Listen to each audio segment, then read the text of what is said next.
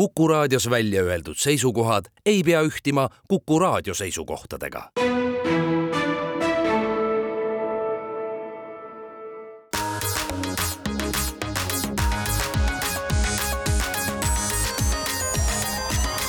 digitund. digitunnile ja digimaailmale annab hoogu Telia tere hommikust, head Kuku raadio kuulajad, on esmaspäev, kuueteistkümnes oktoober ja Kuku raadio stuudiosse on kogunenud Mait Tafenau, Indrek Vaheoja ja Andrus Raudsalu, et tuua teieni möödunud nädala tehnoloogia uudised ja saate teises pooles liitub meiega ka Tanel Kinsigo, Telia küberturbelahenduste insener, kellega me räägime siis sellest, kuidas saab ennast igasuguste veebikurjamite eest hästi kaitsta, juhul kui te olete ettevõte, kes mingit veebiteenust osutab. Aga alustame siis võib-olla kohtukäikudest, et meil ühtegi suurt isegi sellist turvaintsidenti möödunud nädalal ei olnud, mida lahata, aga küll on siis jätkuvalt käimas sajandi kohtuasi Google versus Ameerika Ühendriigid ja noh, sealt ikkagi iga nädal tilgub meile mingisuguseid uusi uudiseid, kui me möödunud nädalal rääkisime sellest, et et mida siis oli kuulda Microsofti suust seal kohtuasjal, siis eelmisel nädalal võeti ette siis ma arvan, et selle kohtuasja kõige olulisem moment üldse või kõige tähtsam osa siis Google'i äh, leping Apple'iga, mille alusel siis äh, Google noh, mingite hinnangute põhjal maksab Apple'ile umbes kümme miljardit dollarit aastas puhtalt selle eest, et siis Google'i otsing oleks kõikides Safari brauserites, see tähendab siis nii Maci arvutites, aga ka kõikides iPhone ides äh, vaikimisi brauseriks ja kui vaikimisi brauser on juba olemas, ega tavaliselt inimene seda muutma ei kipu, ta võib küll arutleda ja vaielda selle üle, aga, aga üldiselt nii siis on. jah, just seepärast, et ega ka Apple pakub seal erinevaid võimalusi vist äh, isegi muuhulgas ka pingi. aga, aga noh, ütleme, et ega, ega tegelikult tõepoolest inimesed ikkagi äh, ei vaheta brauserit. Ja, ja noh, ja, ja, ja selgus tõesti see, et, et ega nüüd nagu siis kogu selle brauseri jutu peale on, on minu arust on nagu kaks olulist asja, mis on, mis on välja koorunud, on ikkagi see, et, et tegelikult on Apple täna äh, nii-öelda otsingumaailmas kingmaker või noh, selles mõttes see, kes otsustab, seda on öelnud nii Microsoft äh, kui siis on öelnud ka paljud teised, et et, et, et see, noh, tegelikult ka Google ise on tunnistanud, et see koht, kuhu sa minema pead, on ikkagi Apple, sellepärast et Apple suudab su panna noh, umbes siis ma arvan, et kahe miljardi inimese desktopile või taskusse nagu ühe diiliga. vaata, see on huvitav see, et iPhone ei ole küll tegelikult ühest küljest kõige rohkem kasutatud platvorm, eks ju, aga, aga kuna otsustajad või niisugused inimesed, kes teesuunda näitavad, kasutavad, eks ju, siis sealt on see kuidagi nagu niimoodi üles korjatud ja Virgil oli isegi ühel artiklil sihuke pealkiri, et see on vist tehnoloogia, tehnoloogia valdkonna kõige olulisem leping on Google'i Apple'iga otsingumootori osas. seal oli just, et seal siis näiteks äh, noh, muuhulgas intervjueeriti siis Google'i äh, koostööde siis pealikku äh, Joan Bradit, kes siis on nagu umbes kakskümmend aastat kõiki siis Google'i koostööprojekte vedanud, noh, sealhulgas ka siis seda Apple'i oma ja ja noh, põhimõtteliselt siis küsiti ta käest ka seda, et et kas te siis olete äh, mõelnud, et teil võiks olla mõni teine partner, kellel oleks sama palju mõju nagu Apple, mille peale ta ütles lihtsalt ei. Kusjuures äh, muuhulgas tuli siis äh, ka selle äh, kohtu siis kuulamiste käigus välja see, et kuulati siis ühte endist Google'i juhtkonna liiget, kes täna on Apple'is ja arendab seal tehisintellekti just selles osas, et, et kas siis on ka Apple'is olnud mingisuguseid erinevaid plaane äh, siis äh, nii-öelda otsinguteenuse arendamisel ja ja tõepoolest, noh, Apple'il on ju olemas Spotlight, mis siis tegelikult, millest me ka just alles rääkisime, et äkki ikkagi hakkab seal Spotlightist tulema mingisugust otsingulaadset teenust aga siis kahe tuhande kuueteistkümnendal aastal, kui Apple oli sinna Spotlighti lisanud igasuguseid mingisuguseid lisateenuseid, siis äh, lisati siis sellele Google'i ja Apple'i äh, lepingule niisugune salaprotokoll, mis siis ütles, et äh, not anymore et rohkem lisateenuseid ei tohiks lisada äh,. just ja seal kusjuures noh, tuleb välja, et see nagu arusaamine oli siis kahepoolne, et ühelt poolt selgelt Google ei tahtnud, et inimesed läheksid kuskile mujale kui Google'isse, aga teiselt poolt oli ka see, et, et nad suutsid siis Apple'ile ära tõestada, et et kui inimene äh,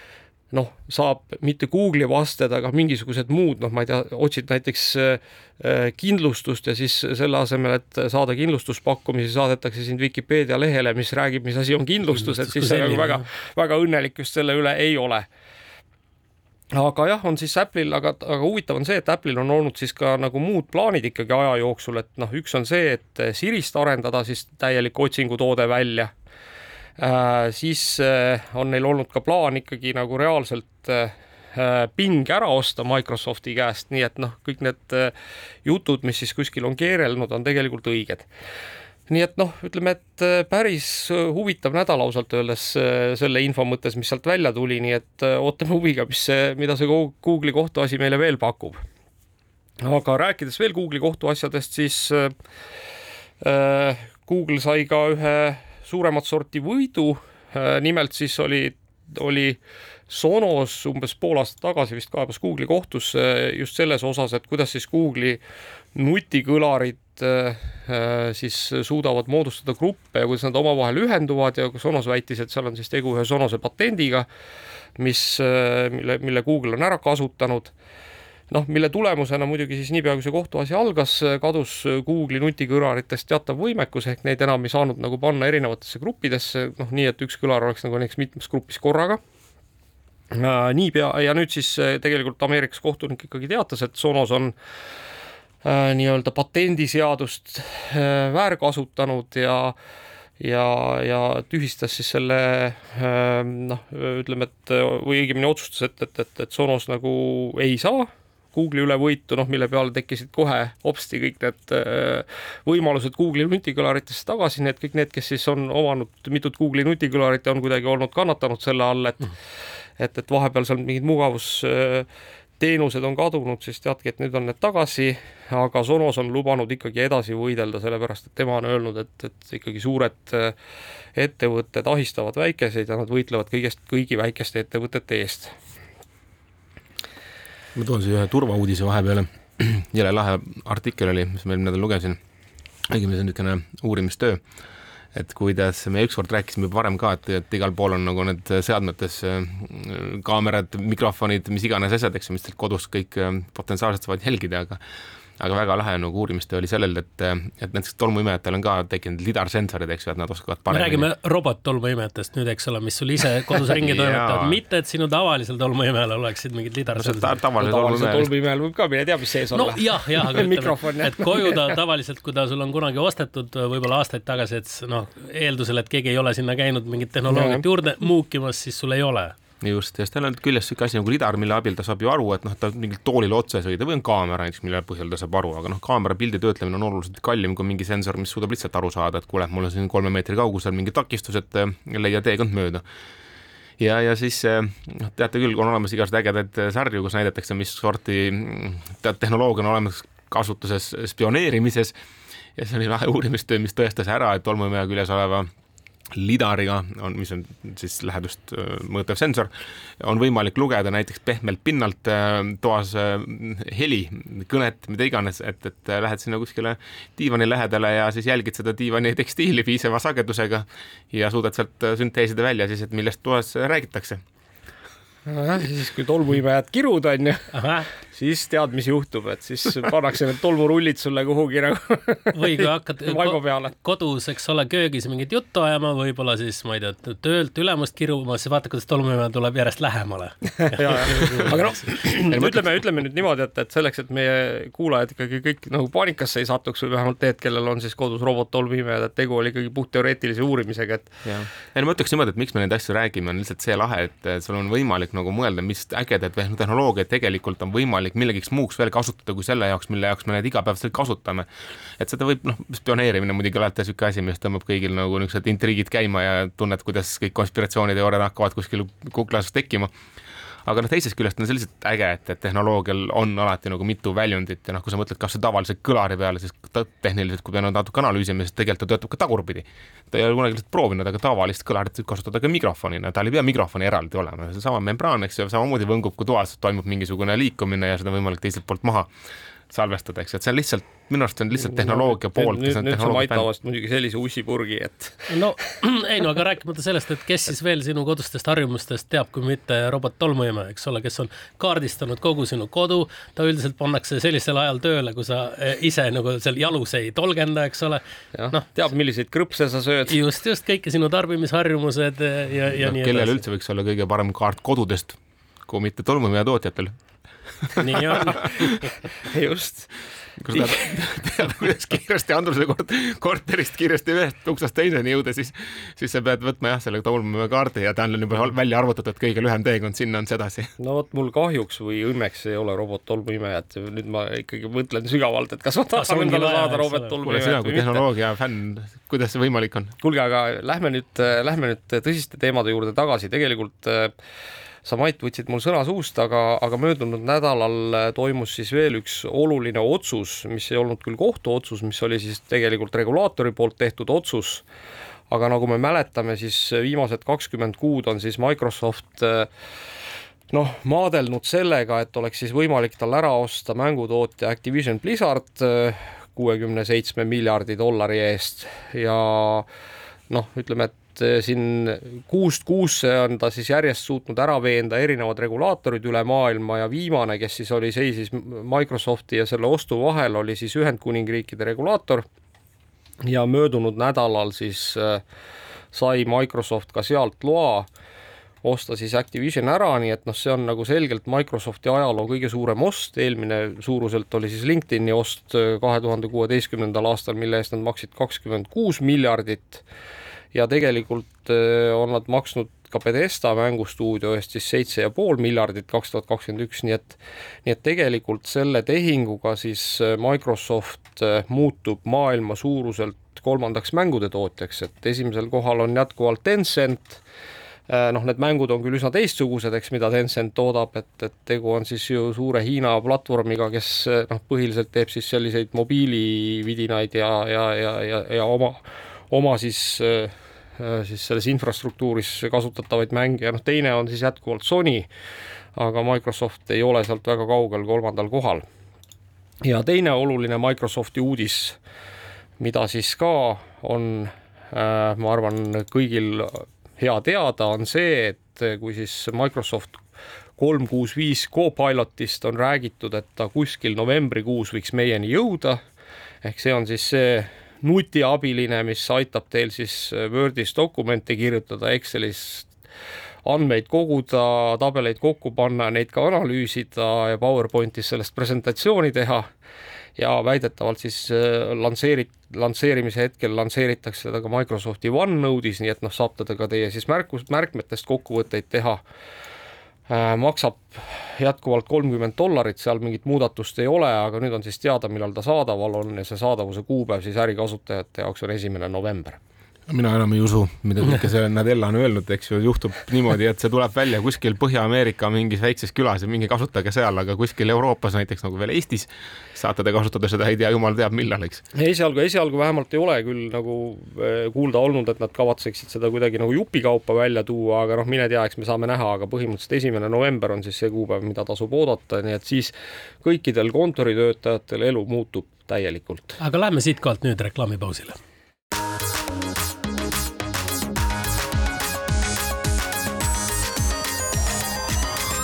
digitund. digitunnile ja digimaailmale annab hoogu Telia. digitund jätkab oma teist veerandit.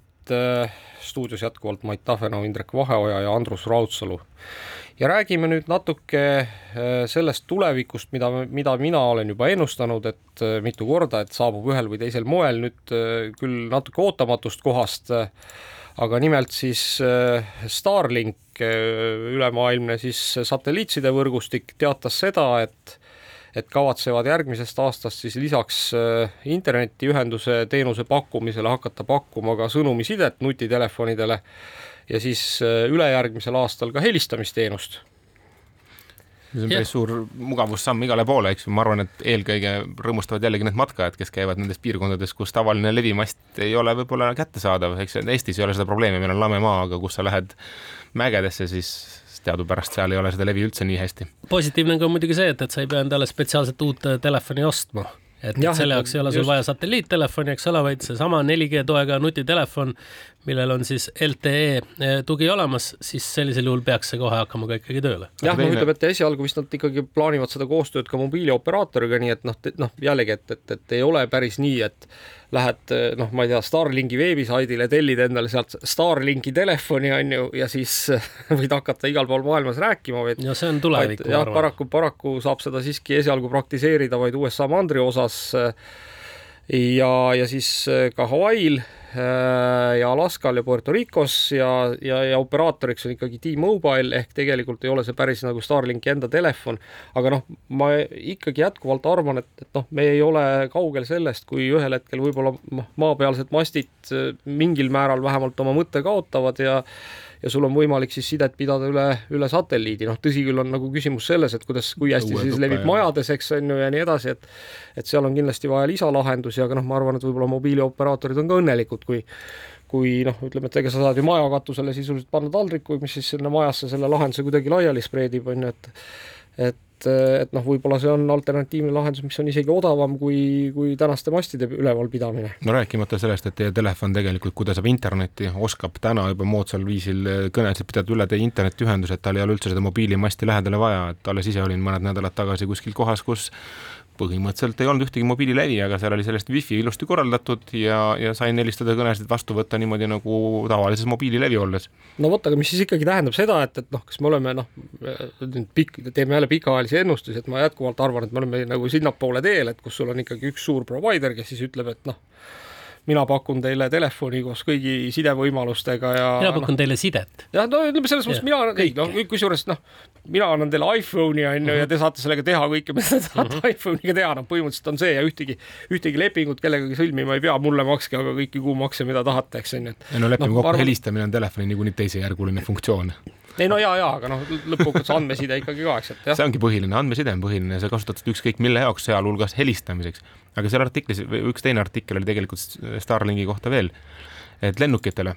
et teadupärast see on see koht, kus teil tihtipeale ei ole internetiühendust või helistamise võimalust, et varsti te rahulikult lennukis enam raamatut lugeda ei saa, saate endale internetiühenduse ja kogu see hirmus maailm tungib jällegi teieni. Ja Starlink Aviation on selle teenuse nimi, mis Elon Musk ütleb siis, et noh, kohe-kohe peaks olema siis kõikidele lennukitele see kättesaadav, no seadmete hinnad ja, ja tasud on muidugi päris siuksed käredad, et saja viiekümne tuhande eest peaks siis ostma endale seadmeid ja kakskümmend viis tuhat on siis siis kuutasu. nojah, aga ma ei ole kindel, palju need tänased nagu seadmed maksavad, mis et ega need ka odavamad ei pruugi olla, eks. ka väga odavad ei ole, mis lennukitel täna internetti pakuvad, seal on lihtsalt küsimus selles, et nad on ikkagi üldiselt suhteliselt aeglased ja sellised nagu kohmakad, on ju, et et noh, ega lõppkokkuvõttes on ju ka täna Starlinkil olemas, eks noh, see nii-öelda basic tier, mis tähendab seda, et sa saad panna endale staatilise antenni kuhugi pihta või püsti, noh, sealt edasi järgmise hinna eest on see, et sa saad seda staatilist antenni ühest kohast teise liigutada ikka staatilisena, et ta töötab ainult siis, kui ta ei liigu. järgmine etapp sellest on see, et sa saad panna ta noh, nagu näiteks liikuva, ma ei tea, matkaauto peale või noh, minu pärast eks kiirabi või, või mingi tuletõrjeauto peale, on ju ja siis sealt järgmine on see, et sa saad panna ta laeva peale, noh, teatavasti merel ju ei ole mingit satelliidi ja need kõik on nagu natuke kallimad mm -hmm. ja noh, mhm. nüüd on lihtsalt see, et ta pannakse veel kiiremini liikuva aparaadi külge, eks on ju, noh, seal on ilmselt mingisugused aerodünaamilised küsimused ka, et noh ta ikkagi noh, peab seal lennuki küljes ka püsima, on ju, kui lennuk nagu õhku tõuseb ja maandub ja lendab. kiirusi lubatakse nelikümmend kuni kakssada kakskümmend mega, nii et. no sama, mis, sama, mis ja. nagu Starlinkil ikka, eks on ju, et. et noh, sul ei ole nagu otseselt vahelt, et kus sa teda tarvitad. no kui sa mõtled, palju lennukid maksavad ja kõik need tükid, mis neil küljes on, siis on see nagu mitte midagi. no just nimelt. ja, jah. nii, aga, aga lähme siit edasi võib-olla möödunud nädala ühe siukse äh, noh, isegi mitte võib-olla, vaid, vaid päris kindlalt tehnoloogiamaailmas äh, kõige olulisema sündmuse juurde, nimelt toimus siis Adobe äh, järjekordne konverents Max kaks tuhat kakskümmend kolm, kus siis äh, Adobe näitas kõiki oma uusi noh, siis tooteuudiseid, on ju. ja ausalt öeldes noh, minu ikkagi äh, arusaam sellest, et kuidas see reaalsus ja virtuaalreaalsus täna segunevad, noh, muutub aina segasemaks või õigemini, mis tähendab seda, et, et et mulle tundub, et varsti ei ela me enam maailmas, kus ükski nagu digitaalne asi, mida sa näed, on tõsi. Mina isegi ütleks teistmoodi selle kohta, et ma ütleks, et äh, kui ai-d me oleme kogu aeg oodanud, et tehismõistus tuleb ja lahendab kõik küsimused, mida ta ei ole suutnud nagu tuhande aasta jooksul siin selgeks saada, et kust tuleb vähk ja kuidas seda ravida ja nii edasi, siis tegelikult täna on nagu ai-st näha ainult üks trend igasugune fake imine, tahame näidata maailma ilusamana, valemana, kui see tegelikult on viisil või teisel ja kõik panevad sellesse meeletult energiat just niisugusel kujul. et ma isiklikult tahaks näha rohkem neid uudiseid, kus me suudame midagi nagu head teha maailmale aga see Outlooki asi, noh, ma saan aru. oot, oot, oot, ma, mul, ma tahan selle fake imise juurde ühe kommentaari öelda, et minu arust vist Uh, Yuval Harari ütles seda, et, et, et, et noh, et digi, et siis nutiaru on tegelikult väga kiiresti omandanud nagu siis äh, inimeste operatsioonisüsteemi, inimeste operatsioonisüsteem on teatavasti story telling ja narratiiv. ehk, ehk tegelikult nüüd, kui sa nagu mõtled, siis, siis noh, ütleme täna me ja me ei ole kindlad, eks, et võib-olla siis juba täna, eks tehismõistus tegelikult opereerib selleks, et hakata opereerima meiega, on ju ja meiega noh, ütleme, et opereerida sellega, et ma pakun teile nagu vähiravi, on ju. noh, kindlasti kõik on õnnelikud selle üle, aga opereerida inimesega sellega ei saa, inimene on lihtsalt rahul, et talle pakuti nagu väga hea asi, väga hea teenus, eks ta sai oma probleemidest lahti.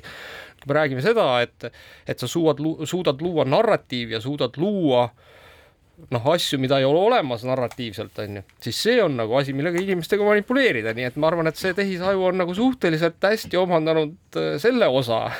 nii-öelda. Aga ütleme, kes on disainerid, siis teile tuleb sealt ikkagi päris palju nagu uusi vigureid, et äh, noh, ma ei tea, nimetan mõned, et äh, muidu on väga ilusad pildigeneraatorid olemas, aga nüüd tuleb ka Adobe'l niisugune toode, millega on võimalik vektorgraafikat genereerida, mis on tegelikult suur asi, sellepärast et noh, vektor teadupärast on äh, venib igas suunas nii lõpmatuseni, kui sa tahad, eks ju, et rastergraafika häda on selles, et ta on täpselt niisugune, nagu ta on ja ilusamat pilti sellest saada on oluliselt, oluliselt keerulisem. ja noh, nii edasi, nii edasi, et mul ei ole mõtet sellest vist pikalt selgitada, aga, aga lähme edasi, et seal oli näiteks videotöötlus tekstipõhiselt, et äh, saad ai-le Premiere'is öelda, et, et tee midagi ja ta teeb seda, mis sa soovid ja, ja tegelikult üks lahe funktsioon oli lausa Photoshopi sisse tehtud, et ma ei tea, miks peaks Photoshopis videosid töötlema, aga aga võhmelt öeldes oli seal klipp, kuidas siis äh, tõmbasid video Photoshopi ja siis ütlesid kohvitassil olevale pildile, et, et muudame selle teistsuguseks, noh, teate küll, kui lähed barista juurde, ta teeb sulle kohvi peale ilusa siis puulehe. vahu sisse, piimavahu sisse. jah, täpselt, mingi kunsti sinna, et sul oli võimalik seal siis väga osavalt see kunst teistsuguse kunsti vastu vahetada ja, ja see, kuidas see kohvitastiga inimene seal liikus, see kõik nagu kõikidel kaadritel, kus olid ühe kaadri ära töödelnud, võeti kaasa ja, ja, ja väga ilusti kõik need asjad toimisid, et. ja kusjuures, kusjuures ka need funktsioonid, mida seal näidati, noh, ütleme need, mida me oleme nagu nendes noh, ütleme siis telefonipõhistes nagu äh, fototöötlusprogrammides nagu mõnda aega näinud, et noh, sul on fotol mingisugune ebameeldiv inimene, kelle sa tahad ära koristada, siis lihtsalt noh, ma ei tea, näpuga tõmbad talle joone ümber või värvid ära ja noh, inimene kaob, eks, ja asendatakse see taust nagu adekvaatselt millegi muuga, siis nüüd on seda võimalik teha ka videos, et noh, näiteks kui kõnnite tänaval ja ma ei tea, noh, teete oma esimest äh, muusikavideot, eks laulate ja seal ümber on mingisugused ebameeldivad möödakäijad, siis noh, kes nagu seda video atmosfääri segavad, siis võite lihtsalt jooksvalt ära koristada ja need kaovad kõikidest kaadritest, eks nii et äh, see tehisintellekt suudab neid ikkagi jälgida, on ju, liikumas, noh, ütleme, see kõik oli muidugi olemas ka vanasti ja seda sai teha, lihtsalt vanasti võttis see aega nagu noh, no, palju aega ja ma sadu tunde. ma sõnastaks niimoodi, et see võttis nagu sul terve elu võib-olla omandada sellist oskust, et kuidas nagu kvaliteetset pilti töödelda, et saada nagu õige tulemus. ja nüüd sa lihtsalt istud arvuti taha, ütled, et noh, ma joonistada ei oska, päriselt kunstiannet ei ole ütled, et eemalda ja ta arvestab juba kõikide nende varjudega ja nii edasi, te kõik olete need Photoshopi fake'e näinud, kus nagu vahele on jäädud mingite labaste asjadega, et peegelduses on olukord teistsugune või varju ei ole või mis iganes. nüüd juba masin hoolitseb kõige eest ja, ja sul ei ole vaja neid sadu tunde praktikaid ja treenitust et saavutada häid tulemusi. jah, tõepoolest, ma arvan, et, et noh, Photoshopis ikkagi täna nagu suudab juba igaüks, kes noh, oskab Photoshopi lahti teha, tõepo-, tõepoolest teha siis selliseid pilte, mida noh, ma ei tea, veel kolm-neli aastat tagasi noh, mingisugused erilised professionaalid tegid ja saatsid kuhugi Photoshopi piltide tegemise võistlusele, ehk siis noh, täna praktiliselt on, see on nagu käib kolme hiireklikiga. Muuseas, üks asi, mis mulle veel jäi silma ikkagi ja mis oli väga äge, mis, mida näidati, siis seal on noh, siis on seal ka niisugune sessioon, kus mitte ei näidata uusi tooteid, vaid näidatakse uusi tehnoloogiaid, mida Adobe siis kuidagi arendab, on siis selle tehnoloogia nimi on ResUp, aga, aga noh, ta otseselt mingisuguse tootena turule ei jõua ja noh, enamasti need, need arendatavad tehnoloogiad on noh, mingisuguse siis noh, poole aasta kuni aasta pärast jõudnud ikkagi mingisugusesse Adobe põhitoote sisse. Ja see ResUp on siis selline toode, millega saate võtta vanad noh, ma ei tea, liikuvad kihvid, vanad koduvideod ja need siis upscale ida, noh ka mingid noh, ma ei tea, minu pärast vanad filmid, eks neljakümnendatest ja noh, need näited, mis olid ikkagi tehtud, kus oli nagu suhteliselt kehva resolutsiooniga veebivideo. Noh, kui te nüüd mõtlete nagu kümne aasta tagusele veebivideole, milline ta välja nägi, eks, milline see resolutsioon oli, ja sellest oli siis saadud nagu täiesti korralik noh, tänapäevane terav video, eks on ju ja noh, eriti äge on siis, eks, et neid noh, mingisuguseid äh, hästi halva resolutsiooniga liikuvast kihvist miime on ju noh, kuskilt aastast kaks tuhat üks, eks on ju, lasta nagu sellest läbi ja vaadata, mis välja tuleb, et noh, tulemused olid ikka päris ägedad. võib-olla boonus on see, et ühel hetkel saame jälle telerist vaadata vanu sarju ja filme niimoodi, mis on nagu, näevad head välja, sest minu arust kõige halvem periood filminduse ajaloos oli see, kui oli VHS-i võidukäik ja kõik need sarjad, mis telekas salvestati, olid tihtipeale niivõrd kehva kvaliteediga, noh, see kannatas väga hästi kehvas telekas vaatamist aga kui sa tänases heas televiisoris tahad seda vaadata, siis no lihtsalt, no lihtsalt sa ei taha seda enam vaadata, lihtsalt sellepärast, et see pilt on niivõrd nagu halb. et niisugused tehnoloogiad võib-olla toovad selle jällegi nähtavale. nii, aga lähme siit reklaamipausile ja oleme juba mõne minuti pärast tagasi.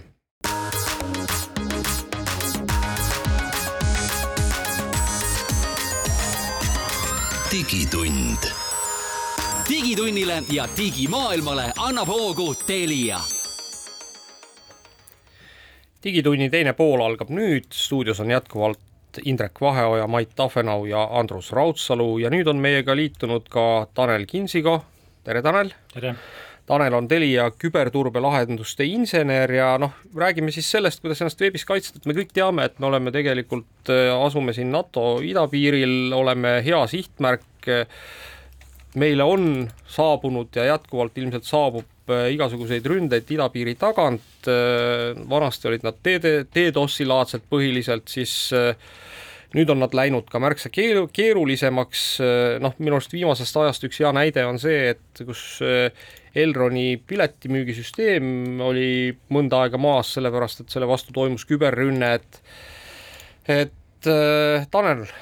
räägi, kuidas, kuidas tänapäeval need asjad toimuvad, et, et kui suur üldse see küberrünnete maht on, mis meie suunas liigub? no see maht on äh, nüüd viimastel äh, kuudel või isegi võiks öelda, et sellel aastal on, on äh, mitmekordistunud, et nagu, kui sa siin mainisid DDoS rünnete hulka, siis ega need ei ole ka kuhugi kadunud, lihtsalt nüüd see veebilehtede pihta suunatud rünnete hulk on, on veel rohkem nagu kasvanud. et siin noh, laias laastus, mis meie oma klientide peal näeme, et äh, siin pärast jaanipäeva on see, see maht on umbes neljakordistunud kuni, kuni siiani välja, nii, nii DDoS ründeid on hakanud rohkem tulema, kui ka puhtalt veebilehtede pihta erinevat tüüpi ründeid on, on, on tehtud ja, ja, ja see trend nagu on ikka pigem ülespoole minu arust isegi on õige vist öelda seda, et, et kui vanasti me mõtlesime, et meie teenused on viisil või teisel nagu kuskil noh, mis iganes müstilisel kujul, eks ju, siis täna võib selgelt öelda, et veeb on põhiline teenus, mida tegelikult üldse internetis pakutakse, et selle kaudu me ju opereerime ja veebi me tegelikult peaksime täna kõige rohkem kaitsma ja selle jaoks ei piisa lihtsalt enam või noh, ütleme klassikalise tulemüüri rakendamine on küll väga tore mõte, eks ju, aga on olemas palju ägedamaid tehnoloogiaid ja sellest me täna räägime, eks ju. ja sellel tehnoloogial on mingi ilus nimetus no äh, vahv jah, ehk siis äh, Web Application Firewall, eesti keeles on see siis äh, sisuliselt veebi tulemüür, see on mingisugune seade, mis pannakse siis veebilehe ette. Ja ta peaks siis idee poolest kaitsma siis väga erinevat sorti küberrünnete vastu, mis, mis on just selle veebiserveri pihta nagu suunatud. no too mõni näide, mis sorti nagu veebirünnakute vastu siis saab kaitsta, no laias laastus neid veebiserverite pihta on kahte sorti rünnakuid, üks on äh, ummistusrünne, nagu me siin Elroni piletimüügisüsteemist juba rääkisime, et ummistatakse ära mingisugune veebileht või mingisugune teenus seal veebilehe peal ja siis kliendid ei saa seda kasutada. väga otsene mõju on kohe on tunda, kõik nagu tajuvad seda ja kõigil on väga halb. nüüd tei-, teine sort on see, kus, äh, kus kliendid nagu ei, ei taju nagu otseselt mitte midagi, veebileht töötab edasi, kõik on justkui korras, aga tegelikult on sinna sisse murtud seda, seda siis veebilehe üle on saadud kontroll, seda sisu saab muuta, sinna pannakse näiteks üles pahavara, mida siis veebilehe külastajad end-, enesele teadmatult alla laadivad, satuvad ise küberründe ohvriks ja siis, siis saab juba omakorda nende arvuteid edasi kasutada äh, järgmiste küberrünnete sooritamiseks. samuti loomulikult andmevargused, mis on väga oluline teema, et äh, kui sa ettevõtte veebilehele juba sisse oled saanud, siis sa saad selle kaudu juba ligi ettevõ-, ettevõtte andmebaasile, saad sealt igasuguseid andmeid kätte ja edasi ka teistesse serveritesse liikuda kuni selleni välja, et lõpuks on äh,, algab sul mingisugune see ransomware attack no,, eesti keeles on lunavararünne. no kust see masin teab, et mis on nagu okeid päringud ja mis on niisugused halvad päringud äh,? Vahv mm. -hmm. Äh, no laias laastus on teada, millised need küberründed välja näevad, mingisugused tüüpmustrid, kuidas rünnatakse nende vastu, need, need mustrid on siis seal Wahv masinas defineeritud ja kui siis see, selline rünne nagu sisse tuleb, siis on kohe, on võimalik tuvastada, et see on nüüd küberrünne, selle me blokeerime ära. nüüd on, kindlasti on, on, on sellised ründed, mis ei ole otseselt mingi turvaaugu vastu nagu tehtud, vaid, vaid on no näiteks mingi andmevargus, et kui veebilehe kood on halvasti tehtud et on võimalik sealt äh, tekitada mingisuguseid päringuid, mis on täiesti nagu legaalsed, seal mitte midagi halba ega midagi ei ole, see ei näe, see ei ole, näe üldse küberründe moodi välja, aga võimalik on saada kätte andmeid, millele tegelikult see ründaja ei, ei oleks tohtinud ligi pääseda. vot ja siis äh, selliste andmelekete puhul äh, ongi võimalik nüüd äh, tuvastada niisugust anomaalset käitumist, kuna see, see on, see vahv ehk veebi tulemüür kasutab ka masinõppe algoritme, mis, mis, mis jälgivad seda veebilehe tavalist liiklust. ja kui nüüd tekib mingisugune anomaalne liiklus, et väga palju andmeid hakkab järsku sealt veebiserverist välja liikuma kuhugi, siis see on anomaalia ja seda on võimalik siis äh, blokeerida ehk siis pehmelt öeldes, kui ma nüüd praegu üritan seda kuidagi kokku võtta, siis tegemist on siis tarkvaralise teenusega, mis analüüsib sissetulevat ja väljaminevat liiklust, oskab seda analüüsida, märgata seal asju, mis on tavapärased ja tuvastada selle pealt nii kahtlased mustrid üleüldiselt kui ka siis kahtlased mustrid, mis ei ole minu lehekülje kasutamisega kuidagi tavapäraselt normaalne olnud. jah, nii see on kõiki niisugust teenused, see kõlab kuidagi nagu väga müstiliselt ja kõlab kohutavalt kallilt ja nii edasi. kas, kui palju niisugused teenused üldse maksavad ja palju niisuguseid valikuid üldse mul oleks, kui ma tahaksin täna niisugust teenust endale lehekülje ette panna? No see tehnoloogia ei ole loomulikult uus, seda lahe, neid lahendusi on erinevaid, erinevad vendorid pakuvad neid, saab neid sisse osta teenusena, võib ka ise selle lahenduse osta, ise püsti panna oma ettevõttes, kui sul on see kompetents olemas. Aga no tõsi ta on, et ta selles mõttes, väga odav lahendus ei ole, aga nüüd ongi, kuna, kuna kliendid nagu nõuavad ja on vaja selle lahendusega välja tulla, siis me oleme ka tulu, turule tulemas sellise jagatud teenusmudeliga, kus me need kulud jagame klientide vahel ära, seeläbi saame pakkuda väga mõistlikku hinda nagu kliendi jaoks. mis see suurusjärk tuleb? Äh, no suurusjärk sada kuni viissada eurot nüüd sõltuvalt sellest ettevõtte veebilehe vajadustest, mis, äh, kui suur see andmemaht neil seal on esiteks juba ja mis, mis tüüpi sisu seal on ja kui, kui keerulist kaitset nad vajavad, et me oleme väga paindlikud selles osas. püüame saavutada niisuguse hea, hea pakkumise teha kliendile, et, et see hind ja see teenuskvaliteet oleks väga hästi nagu balansis kui ma praegu mõtlen, palju tehnoloogia inimeste tunnid maksavad ja, ja kui palju nagu niisuguseid tüüpe nagu asju lihtne teenus nagu suudab ära blokeerida, siis ma mõtlen, see sada kuni viissada on nagu, ma ütleks no money lausa, et, et ei, ei tohi küll kellelgi nagu öelda, et et raha ei ole raha ja odav on, odav on alati väga suhteline, eks ju, aga teisest küljest noh, selle raha eest saada sellist tüüpi kaitse, mulle tundub, on täitsa nagu tasuta teenus. jah, mina, ma, ma küsiks hoopis teise, teise nurga alt, et et sa ütlesid seda, et, et noh, et, et eriti juhul, kui näiteks veebilehe kood on kehvasti tehtud, et siis on sealt lihtne andmeid kätte saada, et, et, et noh, ma ei tea, kas on teil Telias mingisugune kogemus või oskad sa öelda, et, et noh, kui palju statistiliselt näiteks noh, ma ei tea, Eestis võib olla üldse sellise kehva, kehva koodiga veebilehti, et noh, mingisugune praktiline tõenäoliselt vaade teil on, on ju tekkinud nagu kõiki, kogu selle aja peale, et, et noh, et kas see võib olla nagu mingisugused veerandid, pooled veebilehtedest, kümme protsenti no seda, seda on väga raske statistikat välja tuua, aga, aga selge on see, et äh, kui sul on, kui sa, kui sul on väikeettevõte, sa tellid omale veebilehe äh, sisse, et sa ise seda ei arenda, okei okay,, mingisugune pro-, programmeerimisfirma teeb sul selle ära, paneb püsti, kõik korras, hakkad kasutama. ja kui nüüd seda edasi ei hallata, siis sest sulle tundub, et see on valmis juba, sul, mis sa seal ikka haldad, eks. see on valmis, et mis sa seal enam haldad, et nüüd sa paned oma äri sinna püsti, seal on ütleme, mingi e-pood, sa müüd seal mingeid asju, kõik on äh, ilus, kõik töötab, aga kui sa seda tarkvara, mis seal taga ei, on, ei uuenda, siis varem või hiljem tekivad seal mingisugused turvaaugud ja nende kaudu on võimalik sisse saada ja ma ütleks, et päris palju veebilehti on Eestis sellised, kus ongi ühekordse teenusena tellitud mingi veebileht, veepood siis, ja, ja seal on turvaaugud olemas ja nüüd ei ole küsimus selles, et kas sulle sisse murtakse sinna, vaid küsimus, millal see juhtub. ja tihtipeale, kui see on juhtunud, ega see ettevõte ise sellest ju teada ei saa. Keskmine aeg, millal tuvastatakse küberrünne, äh, on kuskil äh, kuus kuni kaksteist kuud pärast sissemurdmist, et äh, seal ollakse sees juba kuude kaupa, jälgitakse, mis seal toimub, varastatakse andmeid ja noh, müüakse neid siis omakorda edasi teistele küberrühmitustele, et see küberkuritegevus on ju suur, suur äri seal erinevad tiimid teevad omavahel koostööd ja ühed murravad sisse, müüvad selle info edasi, teised äh, toimetavad selle infoga, mis nad sealt seest saavad, murra-, liiguvad sealt omakorda edasi ja lõpuks tuleb sealtki mingi lunavararünne, mida teeb hoopis mingi kolmas tiim, et see on, see on nagu väga tõsine äri, väga suurte käijatega äri. et neid lehti on tõesti palju ja, ja sellele tuleb äh, tähelepanu pöörata kas, kas minul kui ütleme, noh, ma nüüd, me kõik oleme tegelikult ju näinud, eks, ja me oleme ka siin saates rääkinud noh, küll väga suurtest juhtumitest, aga tegelikult need juhtumid, kus inimene noh, pahaaimamatult, eks kasutab mõnda teenust, on ju, annab sinna oma andmed ja noh, siis hiljem, eks selgub võib-olla nagu pool aastat hiljem või mis iganes, et noh, et sealt on mingisugused andmed läinud rändama ja noh, siis on alati on see probleem, et, et tegelikult ongi väga raske mõnikord kindlaks teha, et et kas rändama on läinud mingisugused olulised andmed, eks, et noh, et kas rändama on läinud Maidu nimi või on läinud rändama tema nimi, isikukood, kõik muud detailid, ka krediitkaardi andmed, on ju.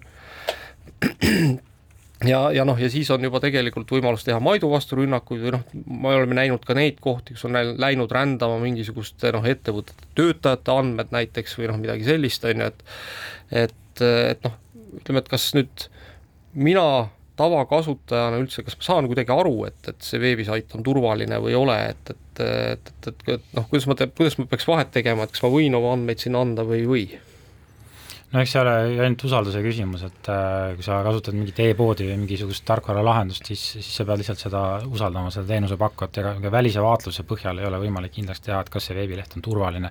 kas seal on igasuguseid parimaid praktikaid selle äh, veebilehe arendamise juures kasutatud, kas see serveri platvorm, mis seal all on, need tarkvarad, mis seal peal on, kas see on uuendatud ja kas seal mingeid turvaauke ei ole, et tavakasutaja ei saa sellest mitte kunagi tegelikult teada, et see on lihtsalt usalduse küsimus, et aga tasub hoolikalt mõelda, et millises e-poes sa käid, kas sa ikka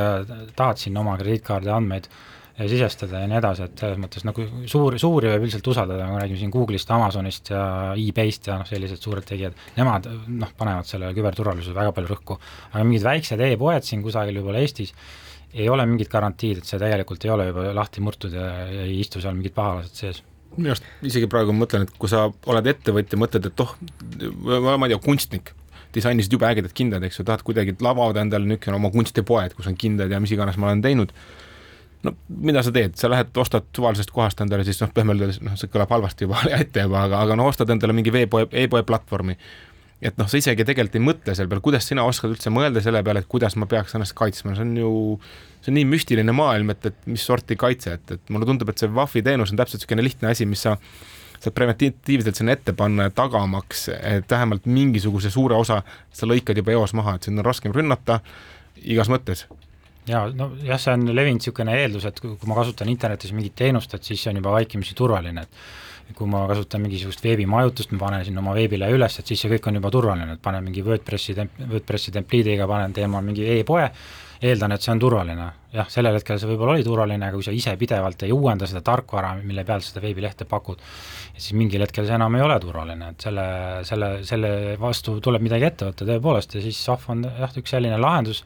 mis sisuliselt adresseerib väga paljud probleemid, mis nende küberrünnetega seoses siin tekivad ettevõttele, kes, kes tahavad näiteks oma veebipoodi pidada, et äh, see, see oleks kindlasti asi, millele tuleks mõelda. ma isegi mõtlen, et äkki õigem on öelda, et küsimus ei ole selles, kas see on äh,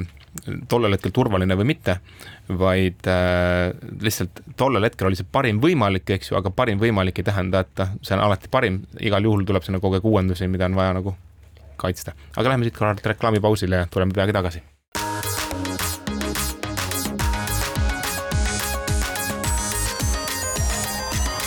digitund. digitunnile ja digimaailmale annab hoogu Telia digitunni viimane veerand on teiega. digitunnil on külas Telia küberturbelahenduste insener Tanel Kinsigo ja me räägime sellest, kuidas oma veebilehte või e-poodi turvalisemaks muuta ja võib-olla räägime korra sellest, me rääkisime just ennem, ennem eelmise osa lõpetasime sellega, et et erinevatel platvormidel või noh, ütleme kellegi poolt ise püsti pandud veebipoed vajavad ikkagi jätkuvat turvalisust, nüüd mul on tunne, et Eestis on ka hästi palju selliseid väikseid veebipoode, noh, mis müüvad võib-olla nagu ma ei tea, kümmet või, või kahtekümmet äh, toodet, äh, mis on pandud püsti mingisugusel sellisel noh, ütleme, et platvormil, mis pakub sulle nii-öelda otsast, otsast lõpuni võtmed kätte teenust, noh, ma ei tea, Voog näiteks on üks näide või noh, neid on tõenäoliselt veel, eks. et kas ka sellised äh, veebipoe pidajad, kui nad meid täna kuulavad, äh, peaksid mõtlema mingisuguste lisaturvalahenduste peale? kindlasti, kui äh, majanduslik seis nagu võimaldab ja see veebipood tõesti mingit käivet teeb võiks ikkagi ka küberturvalisuse mõelda, et muidu lihtsalt sinu veebiserver võetakse ühel päeval üle ja hakatakse sealt teisi ettevõtjaid ründama, et äh, see ei ole ka nagu hea, hea nagu mainele, et kui, kui su veebileht on nagu, veebileht on ju sinu visiitkaart sisuliselt, see peab töötama, see peab laitmatult olema korras nagu alati. kui, kui, kui nagu majanduslik seis võimaldab, ettevõttel on piisavalt nagu võima-, võimalusi, siis jah, võiks küberturvalisuse kindlasti mõelda ma võtaks korraks lahti, et kuidas see Wi-Fi seadistamine üldse välja näeb, et mul nüüd oletame, on see lehekülg nüüd olemas, tahaks mm. jubedasti seda kaitsta, mis ma tegema pean, ma ei, ma ei oska, vahv, ma isegi, sõna ei ütle mulle mitte midagi, et kus ma nüüd lähen, mis ma teen? jah, kui sa ise nagu seda nagu seadistada ei oska, siis variant on, et äh, kasuta teenusepakkujat, kes sinu eest kõik asjad ära teeb ja ongi, sa ei pea ise muretsema selle eest, aga kuidas see põhimõtteliselt töötab, noh, see liiklus on vaja veebiserveri liiklus on vaja siis sinna WAF seadme sisse suunata. ja see käib siis DNS kirja muutmise läbi, et DNS muudetakse ära äh, teenuspakkuja IP aadressi peale, siis see kogu liiklus hakkab sealt läbi käima. ja, ja siis krüpteeritakse lahti, vaadatakse, mis need päringud reaalselt on, mida serveri käest küsiti, mida server vastab, analüüsitakse seda, vaadatakse, kas seal on mingisuguseid mustreid, teada-tuntud rünnakute mustreid või on mingit anomaalset käitumist, väga palju andmeid hakkab, hakatakse küsima järsku välja. Ja, ja, ja, ja selle alusel siis see, see filtreerimine sisuliselt nagu toimibki, et turvalised päringud lastakse läbi, vastus antakse ka kliendile tagasi ja mingid kahtlased päringud blokeeritakse ära kas on mingi risk ka, et, et mingid nagu ausad päringud lähevad ka kuskile kõrvale, et, et seda ei olegi, ma ei tea, keegi hea inimene tuleb, tuleb neid kindaid ostma sealt lehekülje pealt ja mm, -hmm. ja, ja ei saagi ostu teha? no mingi risk on alati olemas, aga siin need äh, VAV-teenuse pakkujad äh, või need äh, tarkvaratehnoloogia arendajad nagu väga hoolega panevadki rõhku selles, sellele, et need valepositiivseid juhtumeid oleks nagu võimalikult vähe et see on jah, üks, üks oluline teema, et, et jälgida neid, et valepositiivseid blokeerimisi ei oleks liiga palju, muidu see hakkab tõesti ettevõtte tööd nagu häirima. Kas ma sain õigesti aru, et põhimõtteliselt, kui ma ei tea ise mitte midagi, ma ei saa isegi aru, mis see DNS on ja mismoodi ma pean midagi muutma, siis ma tulen sinu juurde ja sa teed mul selle asja ära jaa, et äh, me aitame klienti loomulikult selle seadistamisel ja selle kasutamisel, klient saab alati meie poole pöörduda ja me lahendame need probleemid tema eest ära, et äh, kliendil endal ei pea siin olema mingisugust küberturvalisuse tausta või, või seda IT-spetsialisti, et no kellel on, siis väga hea, aga kui sul oma IT-spetsialisti ei ole, aga tahad ikkagi küberturbeteenuseid nagu kasutada, siis Telia on kindlasti selliseks partneriks, kellega koos saab seda teha. ma isegi ei teadnud, et Telia niisugust teenust täna pakub. jaa, et äh, VAF teenusega me tuleme alles turule nüüd, äh, praegu meil testfaas käib, aga ametlikult äh, launch ime selle siis üheksandal novembril. ja miks üheksandal novembril, siis toimub just äh, Telia Digital Hub konverents, Kultuuriatlas. ja kes sinna kohale tulevad, siis me teeme väga hea pakkumise, kui oled ettevõte, kes on huvitatud VAF lahendusest avaldad kohapeal soovi, saad väga hea pakkumise seal Digital Hub konverentsil kui ma praegu mõtlen, et, et äkki ma olen juba Telialt võtnud varem mingisuguse tulemüüri teenuse, et, et kas mm need inimesed peaks ikkagi nagu aru saama, et see ei ole tavalise tulemüüri teenuse osa, et see on ikkagi lisateenus või hoopis asendav teenus? veebitulemüür ei asenda tavalist tulemüürit, need on natuke erinevad asjad, et kui, kui tavaline tulemüür lihtsalt äh, vaatab neid andmesideühendusi, et kas selliseid ühendusi tuleks läbi lasta või mitte, siis, äh, siis veebitulemüür võtab selle ühenduse lahti konkreetselt, vaatab sinna sisse mida päriti, kas selles päringus on midagi kahtlast, et see on selles mõttes kõrgem tase nagu juba sellest äh, küberturvalisuse kaitsest, mida nagu sinna veebilehtede ette pannakse ja see, see VAF teenus on väga konkreetselt nagu veebilehtede kaitseks mõeldud, mitte andmesideühenduse kaitseks, mis on nagu ettevõtte kontorisse kuskile tellitud ma mõtlen, et ehk siis klassikaline tuuremüür kaitseb meil selle eest, et meil mingid pordid oleks kinni või lahti, eks ja. ju, ja hoolitseb, et noh, ma ei tea, kuskilt riigist mingid päringud ei tuleks mm, -hmm. aga VAF kaitseb siis konkreetselt just veebi, ainult veebiporte, eks ju, ja analüüsib, mis seal taga toimub, et oluliselt suurem samm sinna sisse, oluliselt keerulisem tehnoloogia, eks ju, aga samas ka oluliselt võib-olla vajalikum samm selle jaoks, et lehekülge kaitsta, kui kaua niisuguse teenuse juurutamine üldse võiks aega võtta, kui kui ma nüüd otsustan, et tahaks oma leheküljele teha, mul on lihtne, ma ei tea, WordPress kuskile üles seatud, mis ma pean arvestama selle jaoks? no WordPressi puhul võib-olla isegi saab paari päevaga hakkama, aga kui on mingisugused keerulisemad arendustiim on seal taga olnud, mingi suur veebileht, kus pakutakse väga erinevaid asju, seal on mingid noh, kas mingi keerulisem e-pood või mis iganes veebirakendused, siis see juurutamine võib, võib jah, ka mitme nädala peale minna, aga laias laastus noh, me lahendame kõik need probleemid ära, et ei ole hullu, et seal ongi, nüüd sõltub ka, mida see klient nagu vajab, et mida keerulisem veebileht on, siis peame ka keerulisemad, keerulisemaid võimalusi seal, sinna pakkuma, näiteks noh, ai võimalused on üks variant, mida kasutada, mida saan pakkuda, et et äh, masinõppe algoritmid ise vaatavad, jälgivad seda sinu veebilehe liiklust, mis sorti liiklust seal tavaliselt peal on, ta selle järgi õpib äh, aru saama, mis veebi, kuidas su veebileht nagu töötab, mida sealt päritakse ja, ja selle, selle pealt siis saab ka palju paremini kaitsta, kui mingid anomaaliad tekivad, siis masinõppe algoritmid väga kiiresti tuvastavad ära need anomaaliad selles mõttes äh, see seadistamine, see, õppimine võtab ka natuke aega, aga laias laastus mõne nädalaga saab nagu hakkama. kui me nüüd selle ära juurutame, kas see püsib siis edasi värskena ka, et või ma pean juba aasta pärast arvestama, et me peame koos mingisugused asjad üle vaatama, et kuidas see pool toimub? ei, me ise uuendame seda teenust kogu aeg ja need äh, turvamustrid äh, ka tulevad sinna automaatselt, uuenevad, et kogu aeg on up to date, et selles mõttes ei ole vaja muretseda nii, kuulge, aga siis äh, see, et äh, kõigile muretut elu soovides on meil vist mõistlik tänasele saatele joon alla tõmmata, kuna meie saateaeg hakkab läbi saama. aitäh, Tanel, et äh, tulid ja jagasid seda võimalust ja, ja, ja teadmist, kuidas oma veebiservereid hoida turvalisena. ja kõigi oma kuulajatega, kellele me soovime samamoodi jätkuvat turvalist elu internetis, kohtume juba järgmisel nädalal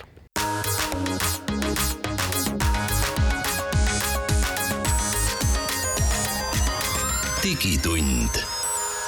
digitunnile ja digimaailmale annab hoogu Telia